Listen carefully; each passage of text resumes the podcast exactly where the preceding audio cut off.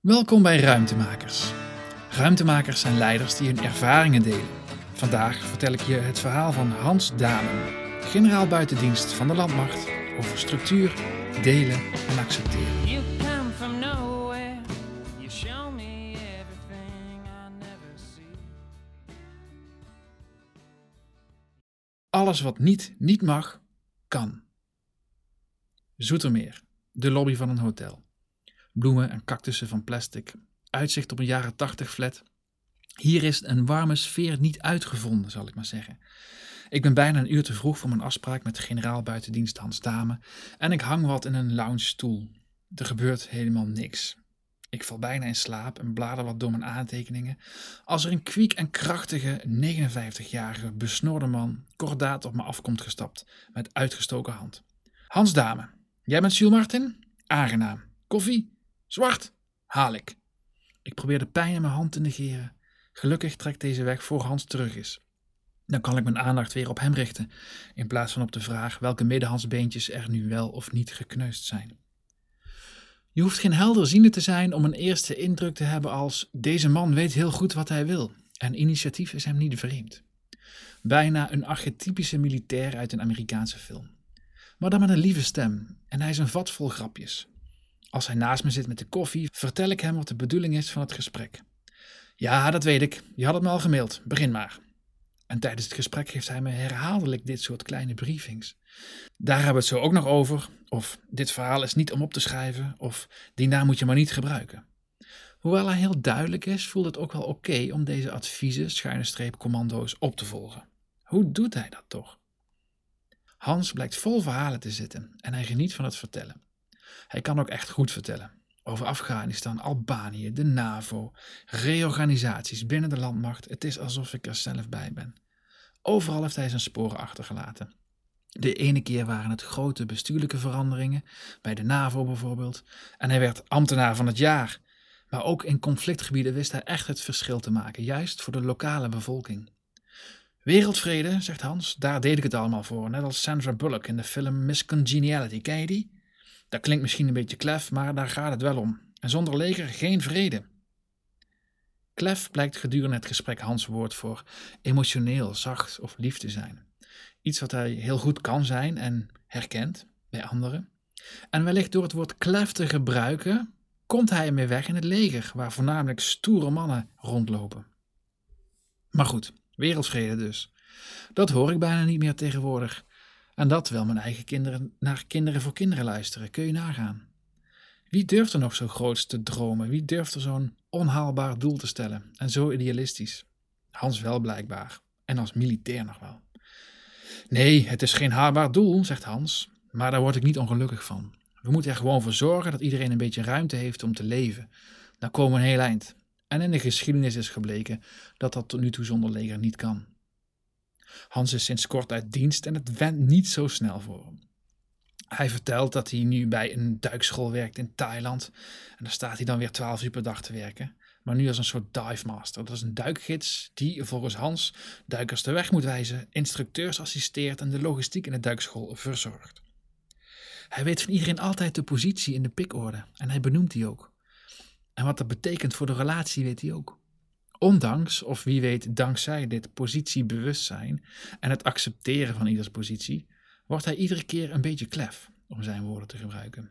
Hij zal het niet beamen, maar toch. Hij vertelt dan ook: Gelukkig kan ik daar kinderen helpen die uh, niet durven te duiken. Die dwing ik niet, maar die manipuleer ik alleen een beetje. Daar mogen ze mijn hand vasthouden en zelf bepalen, zogenaamd, wanneer we gaan afzakken het diepe in. Ja, weten zij veel dat ik veel harder afdaal dan zij en dat we zo snel en diep zinken. Misschien kun je dan wel liefdevol dwingen noemen, zegt hij met een gullig grijns. En nog meer klefheid. Op de duikbeurs kwam hij een man tegen die PTSS bleek te hebben. Dat is het Post-Traumatic Stress Syndrome. Nou, dan heb je zo'n gesprek van een half uur, snap je? zegt Hans met een knipoog. Zonder het echt te benoemen laat hij merken dat het gesprek niet over koetjes en kalfjes ging, maar dat hij luistert en meeleeft met zo'n man.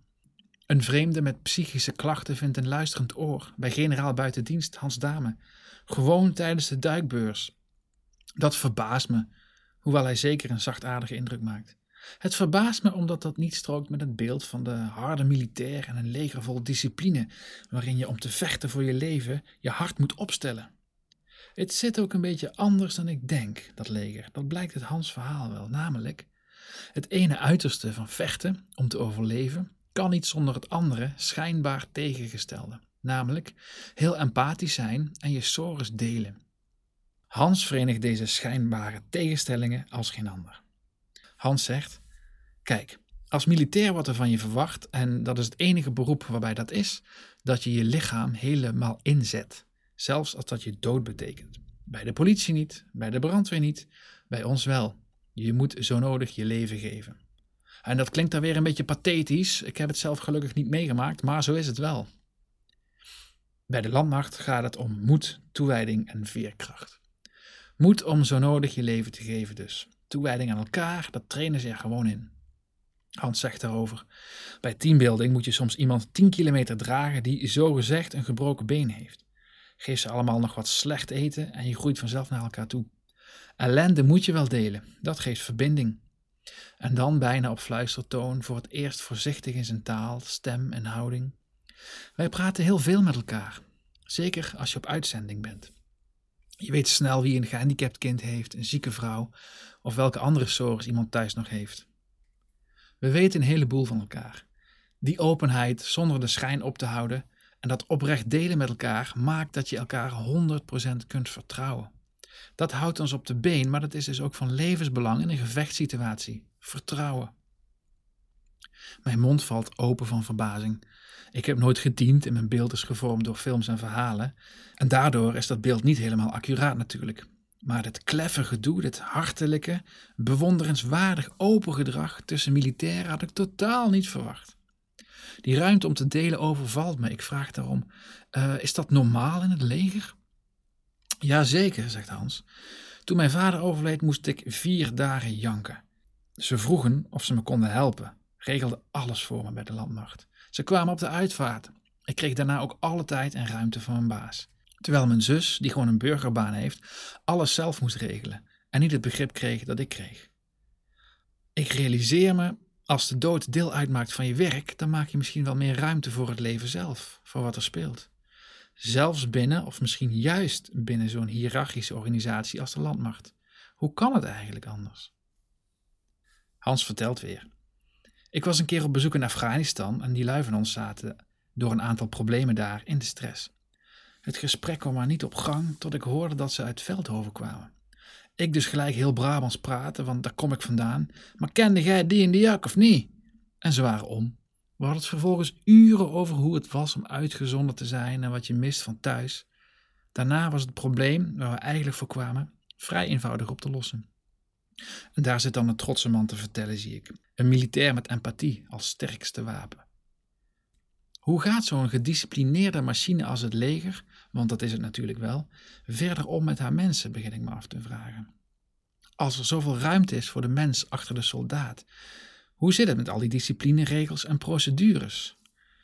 Hans zegt daarover: Als je weet wat er niet mag, dan weet je ook wat er niet niet mag.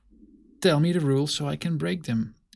Zolang je je maar houdt en al die kleine onbelangrijke dingetjes, de juiste kleren draagt, op de juiste manier goed en simpele orders opvolgt en verder geen punt maakt van andere details die echt moeten, dan kan er een hoop.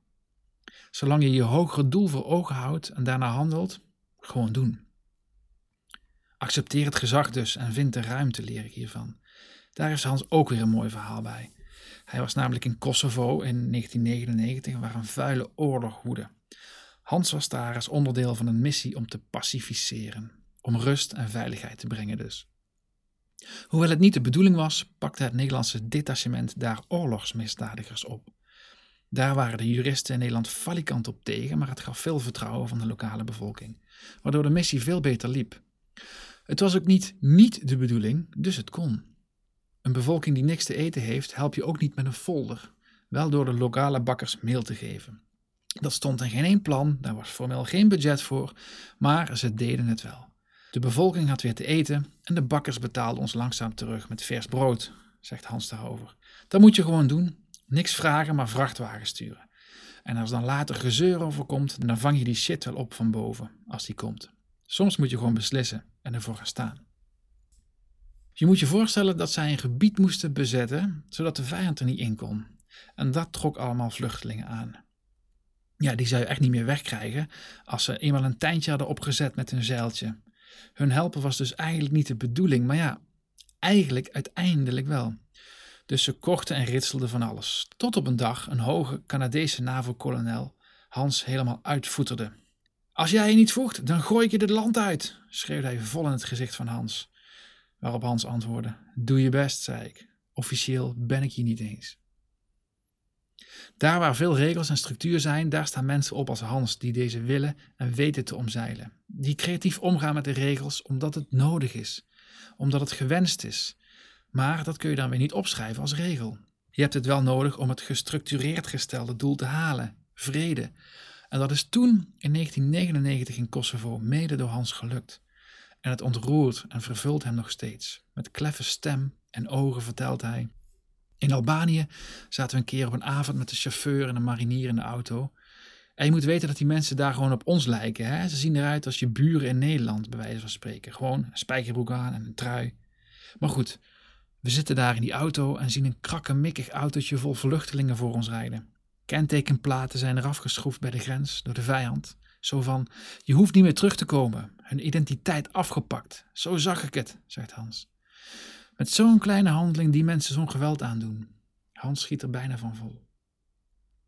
En dat we dan, twee maanden later, zegt Hans, twee maanden van ritselen en regelen en van buiten de lijntjes klooien, weer mensen terug naar huis konden zien gaan. Hans valt voor het eerst stil. Hij zoekt naar woorden en hij weet het even niet meer. Toch herpakt hij zich. En toen reed daar een tractor met een aanhanger, zegt Hans. De banden waren eraf gereden, dus dat staal trok een spoor in het asfalt. De aanhanger vol vluchtelingen die terug konden keren. En gelukkig dat ze waren, ik krijg er nog kippenvel van. Daar deden we het allemaal voor. Een stukje wereldvrede.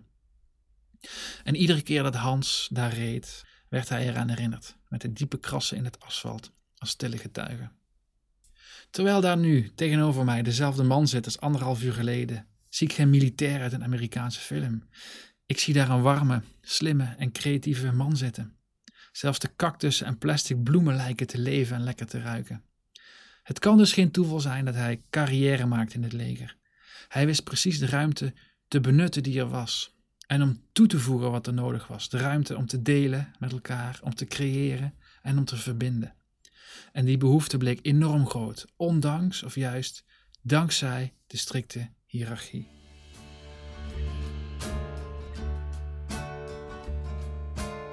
Deze verhalen maken onderdeel uit van het boek dat ik aan het schrijven ben. Dat heet Maak Ruimte. Ook op ruimtemakers.nl kun je daar meer over vinden en alvast je exemplaar reserveren.